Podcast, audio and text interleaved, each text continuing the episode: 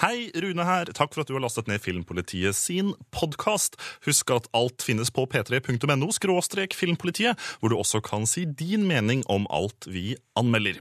Her får du ukens sending.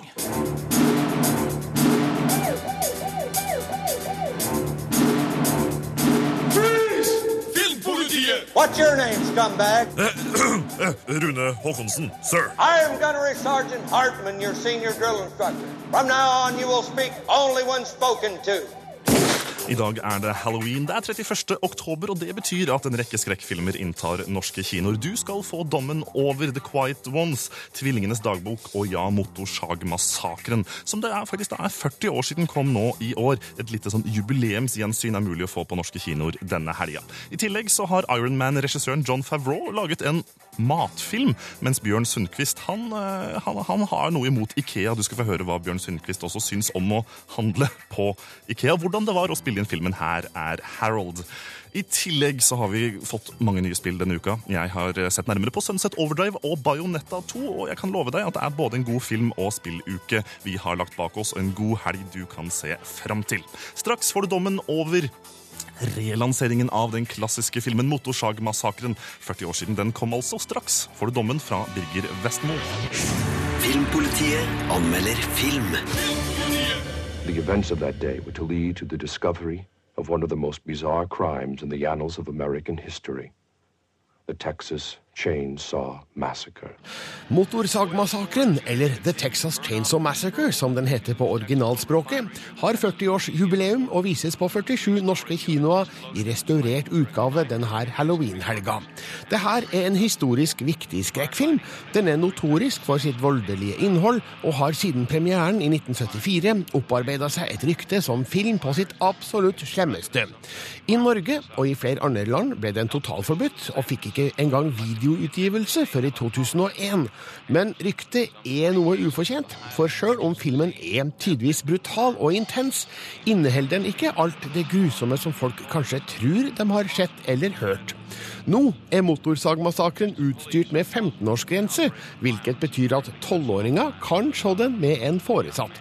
Tidene har jammen forandra seg, men det har ikke filmen, heldigvis. My granddaddy's buried here. Can we find out if anything happened to him? What's your granddaddy's name? Honey, that big, heavy feller's a standing with that flashlight in his hand. That's the sheriff. Det starter med et grotesk bilde av råtnende lik, som setter standarden for hva vi har i vente.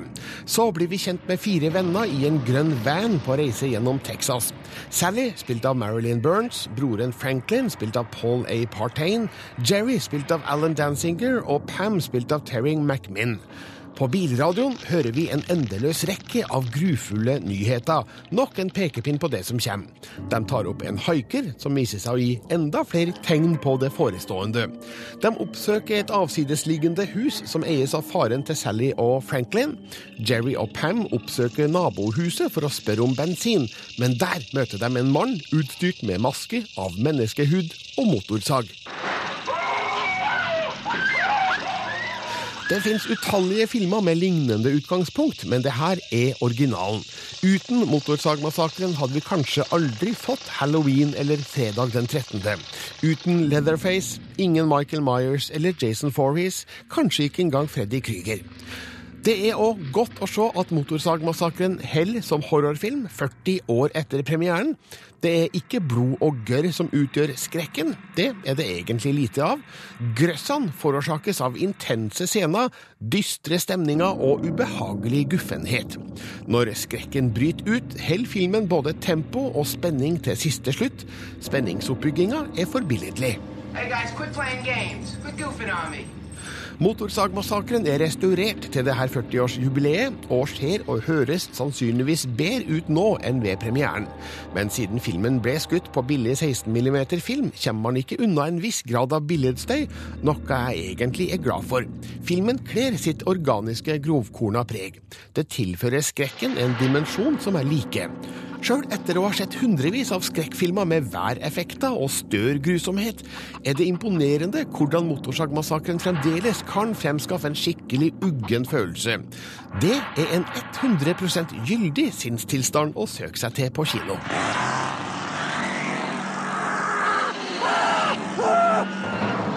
Terningkast fem. En historisk viktig skrekkfilm. Det er eh, dommen fra Birger Vestmo over Motorsagmassakren, som altså har 40-årsjubileum, og er nå denne helga å finne på norske kinoer. I kommentarfeltet på nettsiden våre, p3.no filmpolitiet, så er debatten allerede fullt i gang. En som eh, har lagt inn kommentarer, skriver at Motorsagmassakren er kjedelig. Gi meg Seven Any Day eller Nattsvermeren. Omen, kanskje? Nei, vent. Shaun of the Dead. Hvis du har lyst til å si din mening om Motorsagmassakren, kanskje fortell om første gangen du så filmen. Da går du inn på p3.no skråstrek filmpolitiet. Filmpolitiet anmelder film. What is the supernatural? What if you could prove that the supernatural was merely a manifestation of what already exists in the mind? Den britiske skrekkfilmen The Quiet Ones er delvis produsert av Hammer Film Productions, som vekker gamle minner i mangt et filmhjerte. Dette selskapet er nemlig kjent for sine mange skrekkfilmer fra 1950 til 70-tallet. The Quiet Ones virker å være en forsøksvis hyllest til siste del av denne perioden, med en besettelseshistorie lagt til en stor herregård anno 1974. Filmens opplagte skremselstaktikk er kanskje i overkant åpenbar, men jeg skal ikke legge skjul på at den av og til fungerer som planlagt. We can cure one patient, we cure all mankind. Oxford-professoren Joseph Copeland, spilt av Jared Harris, tar med seg et knippe studenter til et eksperiment på et fraflytta og avsidesliggende hus. Subjektet er Jane, spilt av Olivia Cook, og målet er å få demonhuer i seg, Evie, til å manifestere seg, slik at de kan fjerne det. Alt blir foreviga av kameramannen Brian, spilt av Sam Claflin, som stiller seg tvilende til hele eksperimentet, men får sine egne overbevisninger satt på prøve. Don't look into her eyes. Det ligger en aim av klassisk skrekkfilm over denne produksjonen, på godt og vondt. Godt fordi det her er velspilt og vellaga, vondt fordi det òg gjør filmen forutsigbar. Jeg veit hva som kommer. Skrekkelementene er ofte basert på plutselige hendelser og sterke lyder, og jeg medgir at jeg skvatt iblant, sjøl om virkemidlene er enkle. Samtidig burde den grøssende og gufne stemninga vært sterkere mellom skrekkhøydepunktene, og når Evie etter hvert melder sin ankomst, er effekten ikke bestandig like grøssende. You're not alone, are you? There's something Jared Harris, mest kjent fra Mad Men, spiller en klassisk skrekkfilmprofessor, innbitt på å oppnå sine mål og blind for farene. Sam Claflin er også et godt bekjentskap som Brian. Figuren hans er på mange måter publikums inngang til historien, og representerer lenge vår rasjonelle tvil og vantro. Noen av de andre figurene er mer forglemmelige, og filmens forsøk på å innføre romantiske forviklinger i prosjektet er litt klumsete og halvveis gjennomført. You're scared because you can't explain what you've seen. Når The Quiet Ones vil skremme, gjør den det med ganske åpenbare og opplagte spenningssekvenser, der du vet at noe kommer til å skje fort og høyt når som helst. Filmen overrasker ikke med nye eller uventa grep. Det her kunne like gjerne vært produsert i 1974 som i dag, så det her er kanskje mer et steg tilbake enn frem for skrekkfilmsjangeren, men The Quiet Ones har kvaliteter som gjør at jeg liker den, og anbefaler den til deg som liker å la deg skremme.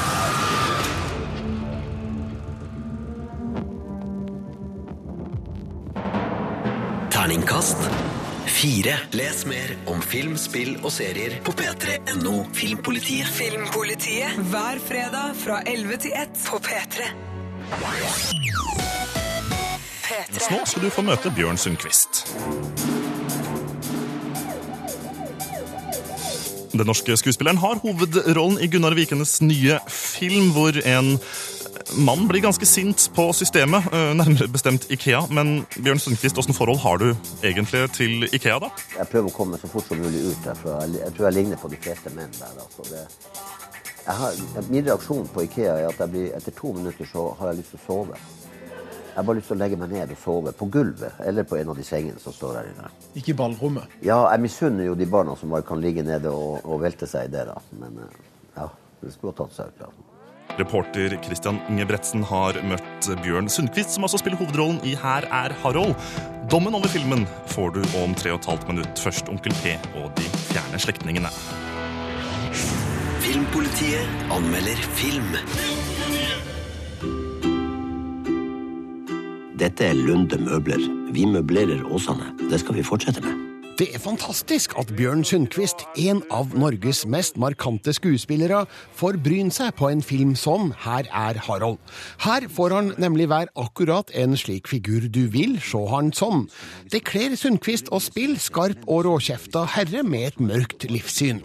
Regissør Gunnar Vikene bruker han for alt han er verdt i en svart komedie som kanskje ikke innfrir alt som det lovende utgangspunktet legger til rette for, men er en underholdende underfundighet med en strålende Sundquist i hovedrollen. Du tar dette bedre enn de fleste, Harald. Takk. Møbelhandler Harold Lunde i Åsane har mista alt, og legger skylda på møbelvarehuset som ligger ved sida av, nemlig Ikea. I ren desperasjon kjører han mot Sverige for å kidnappe Ikea-gründer Ingvar Kamprad og ta hevn. På veien plukker han opp ei ung jente, Ebba, spilt av Fanny Ketter, som blir hans medsammensvorne. Men hvordan finner Kamprad, og hva skjer i så fall da? Lykke til med det. Takk. Historiens utgangspunkt er kanskje morsommere enn det som kommer etterpå. Når Harald først kommer seg til Sverige, mister både han og handlinga til tider litt fokus, bl.a. med et litt mindre interessant sidespor om forholdet mellom Ebba og hennes mor. Her blir Harald i perioder en bakgrunnsfigur, noe jeg syns er uheldig. Det er òg en liten historie i filmen om Haralds journalistsønn i Oslo, Jan, spilt av Vidar Magnussen, som virker å ha som viktigste funksjon å forklare hvordan Harald kommer i besittelse av en pistol. Senere forstår man imidlertid litt mer av denne historietråden, sjøl om det heldigvis ikke blir overforklart. Kom inn i rektum på meg, du dreit ut møblene mine, pissa på stålampen og blåste meg ut som en fyrstikkflamme. Ikke snakk til meg om straff. Jeg er litt hungrig.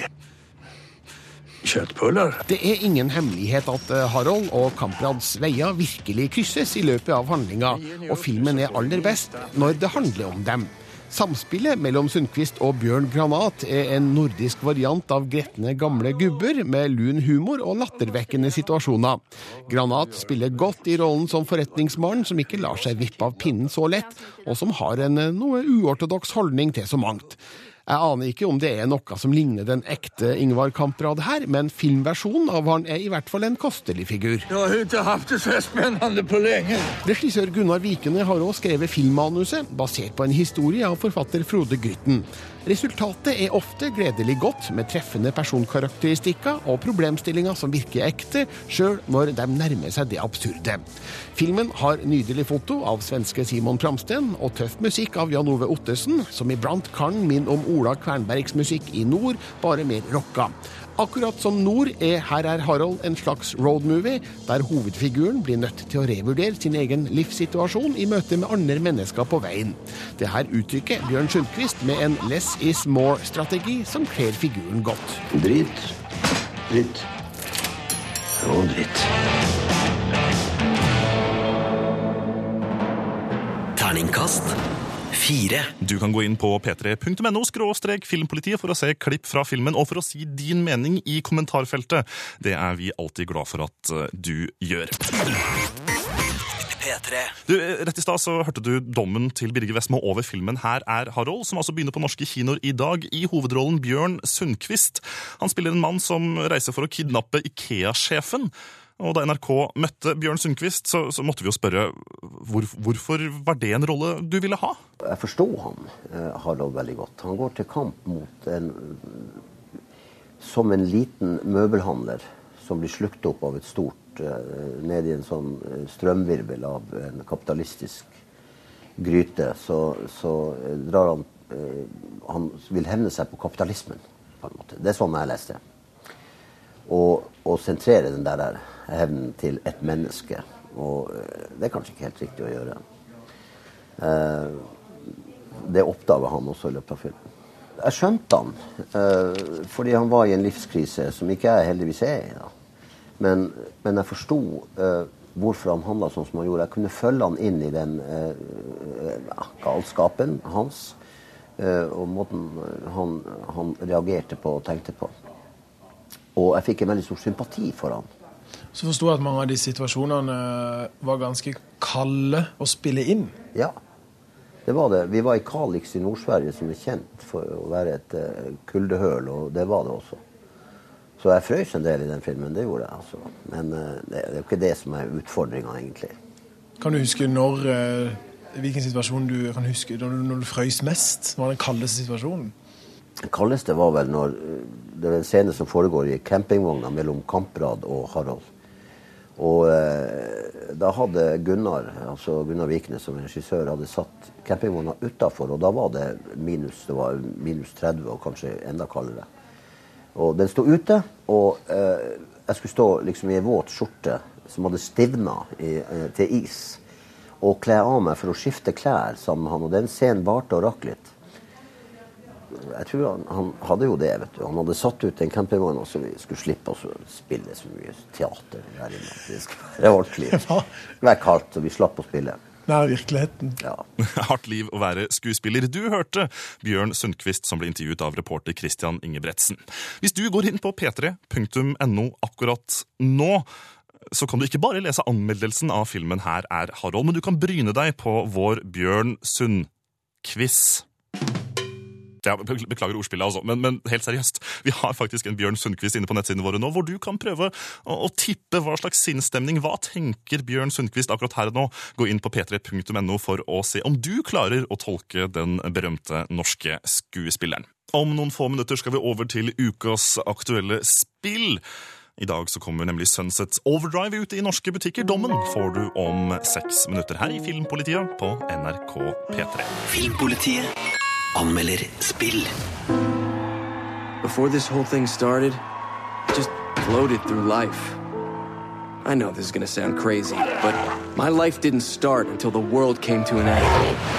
I Sunset Overdrive ligger storbyen Sunset City for dine føtter. Året er 2027, og energidrikkprodusenten Fisco har akkurat sluppet sitt nyeste produkt på markedet. Overcharge Delirium XT. Ja, det lanseres med brask og bram. Hylende folkemengder stimler foran festivalscener for å være først til å smake på de edle dråpene.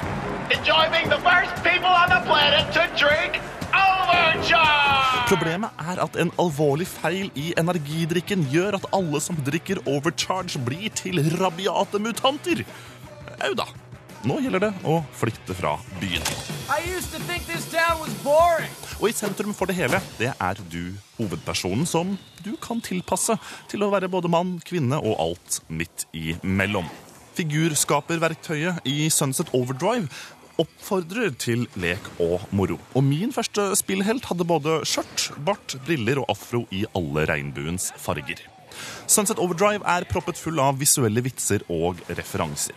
Også historien og figurene du møter på eventyret, er både selvbevisste og ironiske. Det er som å bli utsatt for et maskingevær med one-liner-sitater. Og selv om ikke alle vitsene fungerer like godt, er det deilig å omgi seg med en spillverden som prøver å være morsom absolutt hele tida, og som ikke tar seg selv så veldig høytidelig. Can you survive the many dangers? Can you help others survive? Can you save Sunset City? Can you? For the love of God, can you? Of course you can. It's a f***ing video game. Kampsystemet i Sunset Overdrive ser ut til på overflaten å være av det useriøse slaget. I stedet for å fokusere på taktisk fremrykking ved å dukke ned bak beskyttende esker, slik standarden er i mange spill i denne sjangeren her, actionspill, tredjeperson med en åpen verden altså, så er nøkkelen i Sunset Overdrive å alltid være i bevegelse rundt de muterte energidrikkforbrukerne. Alle kanter, rør, gelendere og høyspentledninger kan brukes til å skli, eller grinde, for å være helt nøyaktig. Og jo mer du gjør dette, jo bedre. Alt fra parasoller og trampoliner til biler og luftekanaler kan brukes til å sprette høyt i været. Hele Sunset City, den åpne byen som er din lekeplass i Sunset Overdrive, er nøye designet og tilrettelegger for kontinuerlig bevegelse i høyt tempo. Okay, this is gonna be fun. Å kombinere all denne bevegelsen med å faktisk skyte på de muterte monstrene, det kan være litt vanskelig. Selv med en svært snill automatisk siktfunksjon, så er det en frenetisk opplevelse som tar tid å mestre. Sunset Overdrive er en helt ny vei for Insomniac Games, som står bak både Ratchet og Clank og Spyro-spillene. Og det er et svært velkomment og vellykket eksperiment for det erfarne studio. Samtidig inneholder spillet alt hva man kan vente fra gjengen som har skapt ja, nettopp Ratchet og Clank. Det er en lykkepille i konsentrert form, som ja, kanskje litt for fort blir for mye av det gode. Oppdragene er overraskende ensformige, og spillet sender deg ofte ja, litt for ofte på hente- og bringeturer rundt i den store byen. Men har du savnet Tony Hawk-spillene, med triksing på rullebrett mens tøff punkemusikk dundrer ut av TV-en, og legger til moderne referanser og et actionfylt kampsystem, så er det fortsatt mange timer moro å hente i Sunset Overdrive. Go forth and enjoy your apocalypse. Have fun. What a fuck up. Yeah. I meant you. Terningkast fem. Sunset Overdrive er et av de aller beste Xbox One-spillene til nå. Og du kan gå inn på p3.no skråstrek filmpolitiet for å se klipp fra, fra spillet, og ikke minst for å si din mening. Det er veldig gira på å høre hva du mener om Sunset Overdrive. P3. En av de tingene du kan gjøre i helga, det er jo å, å spille Sunset Overdrive, som jeg anmeldte rett i stad. Et spill med en stor, åpen verden hvor du kan gå bananas. Men hva hvis vi ser et par år fram i tid? Fem-ti år. Hvordan vil morgendagens spill se ut? Jo, de vil også ha store, åpne verdener, hvor du selv kan velge hva du vil gjøre. Det forteller Ubisoft-sjefen Yves Willimot.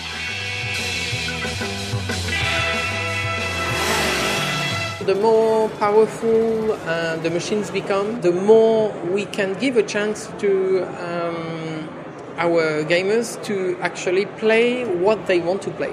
So we give them a world, um, an environment, and systems, and they play with the system. And I think it's far more interesting than to follow a linear uh, path.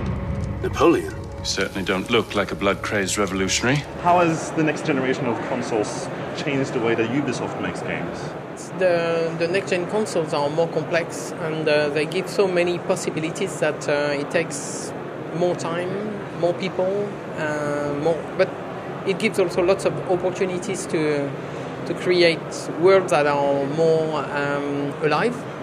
So we, we had to change a little bit the organization, but as we created uh, already um, different games in the last generation, it's more um, an evolution than a revolution for the, this generation. We shall yield to nothing but bayonets. It's very important to take advantage of what can be done on those next generation of consoles because uh, um, we can enter uh, systemic worlds um, that give you a chance to have the experience you want to have. And Far Cry 4, Assassin, and, and the future games will give you more and more the ability to play the game you want and to have the experience you want and that you can be able to speak about with your friends. And I think it's that is very attractive.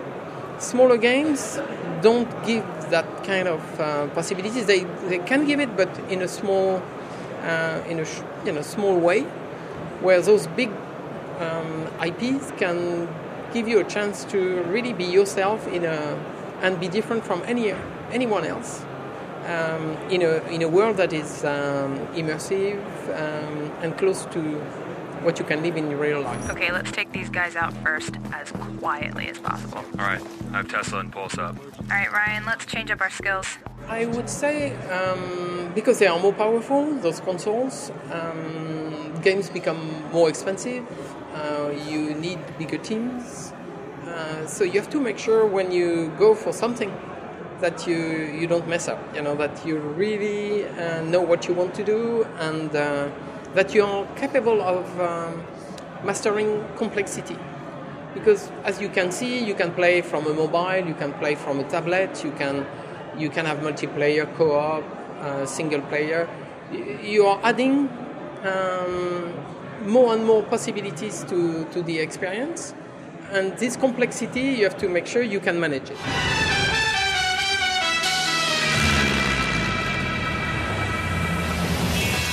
Store spill som har eh, mange valgmuligheter, ja, det er fremtiden, mener Ubisoft-sjefen eh, fra selskapet altså som står bak Assassin's Creed og Far Cry-spillene. Far Cry 4 og Assassin's Creed Unity kommer om ikke så veldig lenge, og dommen over de spillene kan du selvsagt finne på p3.no filmpolitiet når lanseringsdatoen nærmer seg. Vi har et spill til som eh, vi skal snakke om denne uka her. Et heftig spill. Et skikkelig heftig spill, faktisk. Bajonetta 2 er ute til Wii U. Dommen får du om seks minutter. Først Nico og Vince. Filmpolitiet anmelder spill. Very well then, Bayonetta. You shall be the first Umbra witch to die at my hands. Å spille Bajonetta 2 er som å få ubegrenset tilgang til spillskaper Hideki Kamiyas egen sjokoladefabrikk. Sjeldent har ordet fråtsing passet bedre til å beskrive en spillopplevelse. Fra første øyeblikk kastes heksen Bajonetta, spillets hovedperson, ut i en lang rekke intense og spektakulære kamper mot fantasirike skapninger fra hinsides dimensjoner. Kampsystemet er en fest med lav terskel for nybegynnere og et høyt mestringsnivå for erfarne spillere. Cereza! John! Dead witches get dragged to hell. Noen få måneder etter hendelsene i det første spillet, ja, så blir Bajonetta og venninnen Shan igjen kastet inn i en absurd kamp mot en gruppe engler som angriper intetanende New York-beboere. I et eh, forsøk på å beskytte sin gode venninne fra en demon, blir Shan sugd rakt inn i helvete, og dermed kaster Bajonetta seg ut på et heidundrende eventyr for å hente henne tilbake. Ja, historien er med andre ord ganske så tynn. Vurdert etter alle narrative konvensjoner, så er dette svært sviktende oppbygning av både figurer, motivasjon og fortelling. Dermed blir det også etter en stund svært fristende å hoppe forbi alle mellomsekvensene. Men så er historien i Bajonetta 2 utelukkende fyllmateriale for å føre spillere fra én storslått kamp til den neste. You know, love.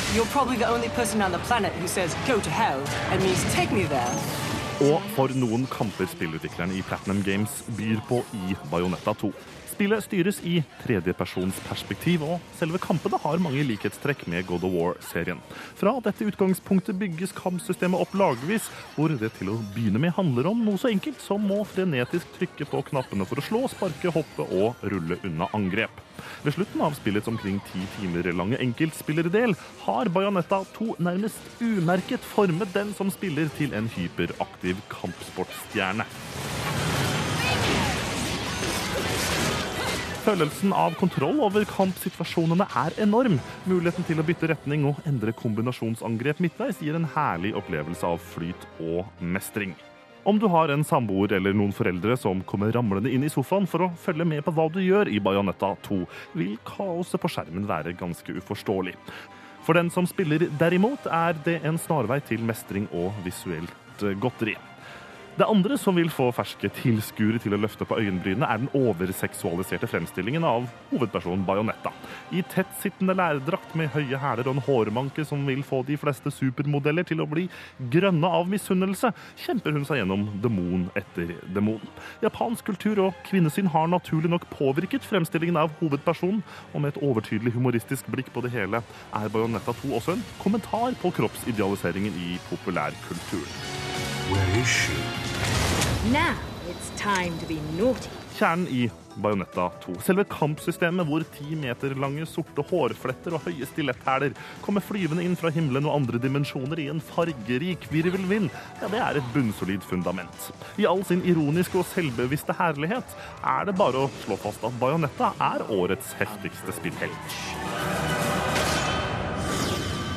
The left eye of darkness must return from whence it came. Terningkast fem. I kommentarfeltet på nettsidene våre, p3.no filmpolitiet, så får jeg faktisk en, en del kritikk for å være for streng når jeg gir terningkast fem. Spillet fortjener terningkast seks, er det flere som mener. Eh, Hvis du har spilt eh, Bajonetta 2 og vil si din mening, så går du inn på p3.no filmpolitiet og legger inn din dom i kommentarfeltet. Hvis du ikke har spilt spillet og er nysgjerrig, så kan du gå inn på samme nettsted for å se klipp fra dette gale, gale og veldig morsomme spillet. Den nye singelen til Foo Fighters, The Feast and the Famine, fikk du her i Filmpolitiet. Det er klokken har passert fem på halv ett. Inn i studio, Marte Hedenstad, hallo! Hallei! Du, Det har skjedd så mye på uh, nyhetsfrontene i det det siste at ja. jeg måtte rett og slett kalle deg inn for en liten oppsummering. Og det er vel ingen overraskelse at det skal handle om superhelter, for uh, i forrige uke så kom det jo en ny trailer til Avengers Age of Ultron. Uh, Hva er nytt denne uka her? Jo, denne uka så har jo Marvel virkelig hatt det supertravelt. Uh, Men det kom blant annet et, eh, enda et klipp fra The Avengers Age of Ultron, der vi får se hvordan medlemmene i The Avengers prøver å bevise at de er verdige til å bære Thors hammer. Yeah, whosoever be he worthy shall have of the power. Whatever, man. It- It's a trick. No, it is much more than that, my friend. If I lift it, do I get to rule Asgard? Yes, of course. I will be fair but firmly cruel. Be right back. det her er sånn ekstramateriale som er litt sånn morsomt for fans, eh, som da ligger ute på YouTube, eh, selvfølgelig. Men uh, dette lille klippet her er jo bare en bitte liten del av alle nyhetene Marvel har kommet med denne uka. Ja, for De har altså annonsert premieredato for hele ni filmer fra Yes. 2015 og framover. Det er helt vanvittig. Skal vi bare ramse opp, eller? Du, kjør gjennom. Ok, 2015 Ant-Man. 2016 Captain America Civil War. Doctor Strange. Hei, hei, hei, hei, Doctor ja. Strange her må vi stoppe allerede. For det er også en nyhet at Benedict Cumberbatch Det- er i Ja. forhandlinger, som de sier. Final talks, Final som det talks. heter på fint. Og Tenk det er veldig spennende. Tenk å få han inn der. Han må være helt super som en superhelt. Oh. Beklager, dårlig ordspill. ja, altså Jeg er veldig st- storfan av Benedict Cumberbatch, og jeg tror han kan gjøre det veldig veldig bra som the mightiest magician in the cosmos. Oh. Men, men det her er bare tre filmer. Det kommer Yes. seks til, altså. Ja da, I 2017 så kommer Guardians of the Galaxy 2, som jeg gleder meg helt utrolig mye til. Så kommer Jeg, jeg, må jo legge til, jeg, jeg møtte jo Chris Pratt vet du, i London, Du har vært eh, og møtt hele den gjengen der, du. og han var så trivelig. Han var så det, altså. heldig, altså. Jeg er storfan eh, av den filmen der og gleder meg til oppfølgeren. oppfølgeren. Kommer altså i 2017. Det gjør også Thor 3, som har fått navnet Thor Ragnarok. Og jeg håper han skal snakke norsk. Da var det Det er alltid like artig når de prøver på det. Eh, og så eh, kommer Black Panther, og det er jo ganske så kult. Eh, det er eh, Chadwick Boseman som skal spille Black Panther, eh, som er da kongen av det fiktive afrikanske landet Wakanda. Eh, men eh, Black Panther dukker også opp litt før det. Han har nemlig en større rolle i Captain America 3, som da kommer i 2016, som jeg nevnte. Åh, veldig komplisert. Ja, veldig, det, er jo, det er jo sånn med den Marvel-universet. De henter inn superhelter fra, fra alle filmene sine. Og i 2018 så må vi legge til Avengers Infinity Mm. War Part 1, eh, Captain Marvel og Inhumans. Og i 2019 så kom Avengers Infinity War Part 2. Så vi har mye å eh, glede oss til framover, bare for å si det kort. Og hvis du har lyst til å, du som hører på, har lyst til å, å, å sjekke anmeldelser av de Marvel-filmene som allerede har kommet, så kan du selvsagt gå inn og sjekke vårt arkiv på p3.no filmpolitiet. Nå over til noen norske regissører. Filmpolitiet på P3. For det er jo nemlig sånn at gutta bak Kon-Tiki de er i gang med arbeidet med Pirates of the Caribbean 5. Men det er jo også litt mer de holder på med. De har det veldig travelt for tida. da. Ja, de har det. Hva, hva, er det de, hva annet er det de holder på med? De har bl.a. regissert de to første episodene av Netflix-serien Marco Polo. Ok, Vi får høre litt på det her nå. Marco, the blood of an adventurer courses through your veins. I can say this. You will enjoy the greatest adventure of all. Ja, altså, Greatest Adventure. Jeg syns det høres litt ut som en sånn slags Game of Thrones-konkurrent. Ja, og det er jo virkelig det Netflix eh, ønsker å gjøre her. Nettopp å gå i strupen på Game of Thrones og HBO. Dette her er en, eh, det er en kjempestor produksjon. Eh, og det er vel bare Game of Thrones som er der oppe på produksjonsnivå når det snakkes om økonomi og sånne type ting. For da har vi snakket om altså, de har budsjett på nærmere 600 millioner Ja, altså, kroner ja. for de episodene. ikke sant? Ja, Netflix satser helt vanvittig mye på Marco Polo.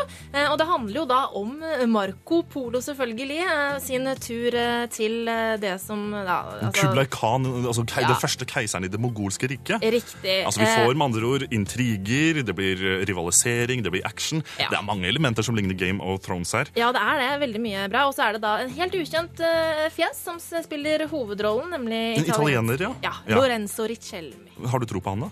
Eh, han ser strålende ut, han i traileren som kom denne uka. ut. Han ser både kjekk ut og eh, flink ut. Hvis du som hører på har lyst til å sjekke ut traileren til Marco Polo, så kan du også gå inn på p3.no filmpoliti. Der har vi skrevet litt om det. Du kan se traileren. Serien kommer i sin helhet på Netflix også i Norge den 12. desember. Nå er det snart på tide å vende tilbake til ukas filmpremiere, for apropos Marvel, Marte. Mannen som regisserte den første uh, Iron Man-filmen, han har laga en, en matpornofilm Eller ikke matpornofilm, da, men en film med mye fokus på matdommen får du om seks minutter. Aller først Robin, call your girlfriend. Filmpolitiet anmelder film.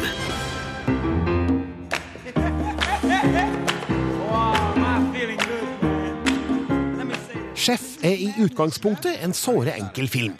Det handler om en mann som mister alt og legger ut på en reise for å gjenvinne seg sjøl. Det høres ut som en film man har sett 100 ganger før, men manusforfatter, regissør og hovedrolleinnehaver John Favreau gjør det her severdig ved å tilføre en gigawatt med hjertevarme. La gå at manuset har noen vendinger som man kanskje ikke tror helt og fullt på. Sjef er fantastisk hyggelig underholdning som jeg rett og slett storkost meg med. Kokkestjerna Carl Casper, spilt av John Favreau, får skikkelig dårlig omtale av en innflytelsesrik matkritiker, kommer i konflikt med restaurantens eier, spilt av Dustin Hoffman, og blir tvunget til å si opp. Carl er langt ned, men blir oppmuntra til å følge en gammel drøm, nemlig å servere kvalitetsmat fra en rullende matvogn. Han henter bilen i Miami og kjører i retning Los Angeles med sønnen Percy, spilt av MJ Anthony, og kokkekollega Martin, spilt av John Leguizamo. Helt fra begynnelsen viser Favreau en økonomisk fortellerteknikk som gjør at historien stadig er på farten, uten å miste tråden. Det brukes god tid på å legge opp til filmens konfliktelementer, men det blir aldri kjedelig. Favreau regisserer seg sjøl i en energisk historie som ikke mister drivet eller engasjementet, sjøl når figurene får velfortjente pustepauser. Klippinga driver filmen ubønnhørlig fremover, og handlinga understøttes av et aldeles fortreffelig, solfylt lydspor, satt sammen av music supervisor Mathieu Schreier. don't like what they wrote about you.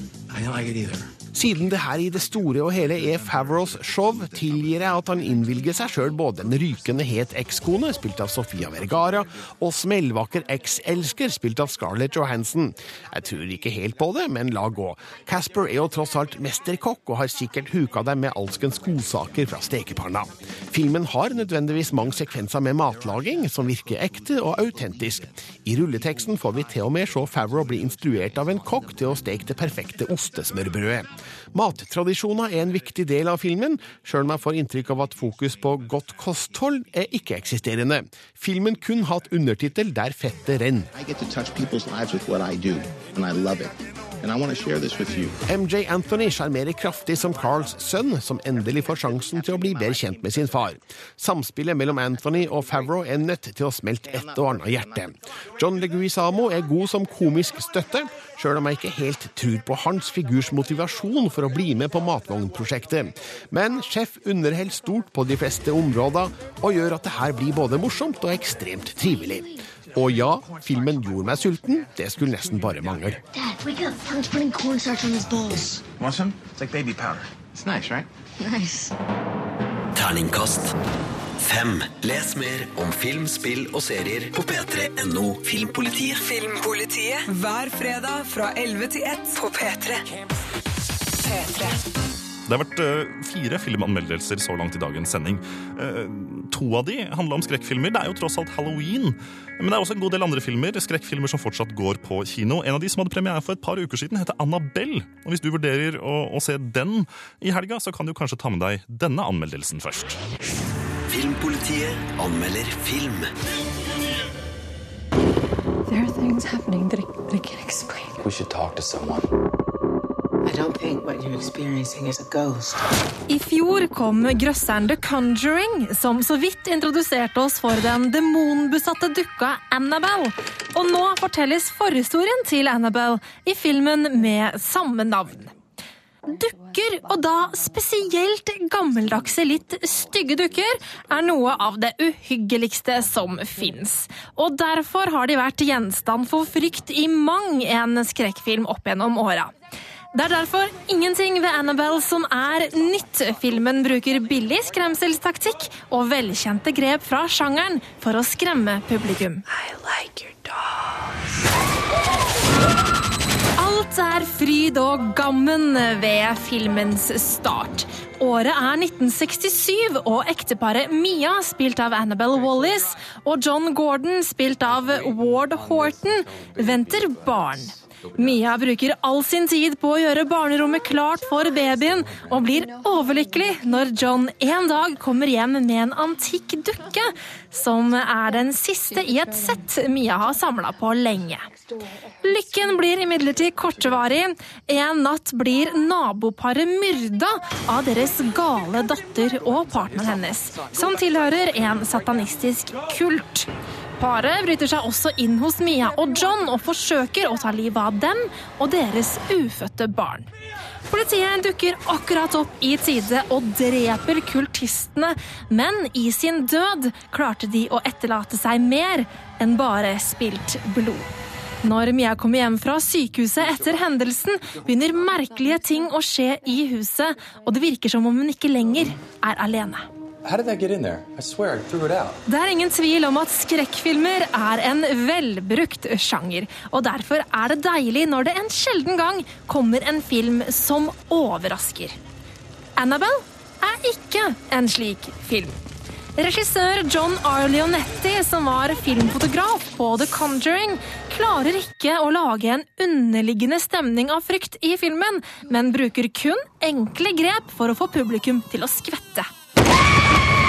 Brå og voldsomme lyder, nærbilder av ekle ting som plutselig popper opp på lerretet, panorering av kameraet mens noe beveger seg i bakgrunnen.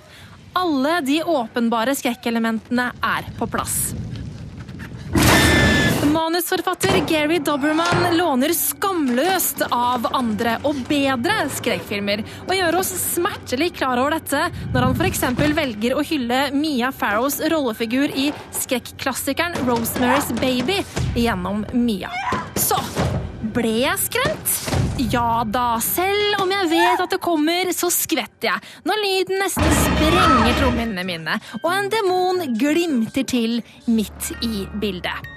Men det føles billig, det føles oppbrukt, og Annabelle blir bare enda en forglemmelig film i rekken av middelmådige skrekkfilmer. Terningkast tre. Du kan gå inn på p3.no skråstrek filmpolitiet for å se klipp fra filmen, og for å si din mening om du allerede har sett Annabelle. Dette er Filmpolitiet på P3. P3. Klokka den er fire minutter på ett. Det betyr at Filmpolitiet er over for denne gang. Husk at du kan sjekke alle våre anmeldelser på p3.no. Og det inkluderer premierefilmen Tvillingenes dagbok, som er et krigsdrama vi ikke har hatt tid til å snakke om i denne sendinga. Alt altså finner du på p3.no. Filmpolitiet.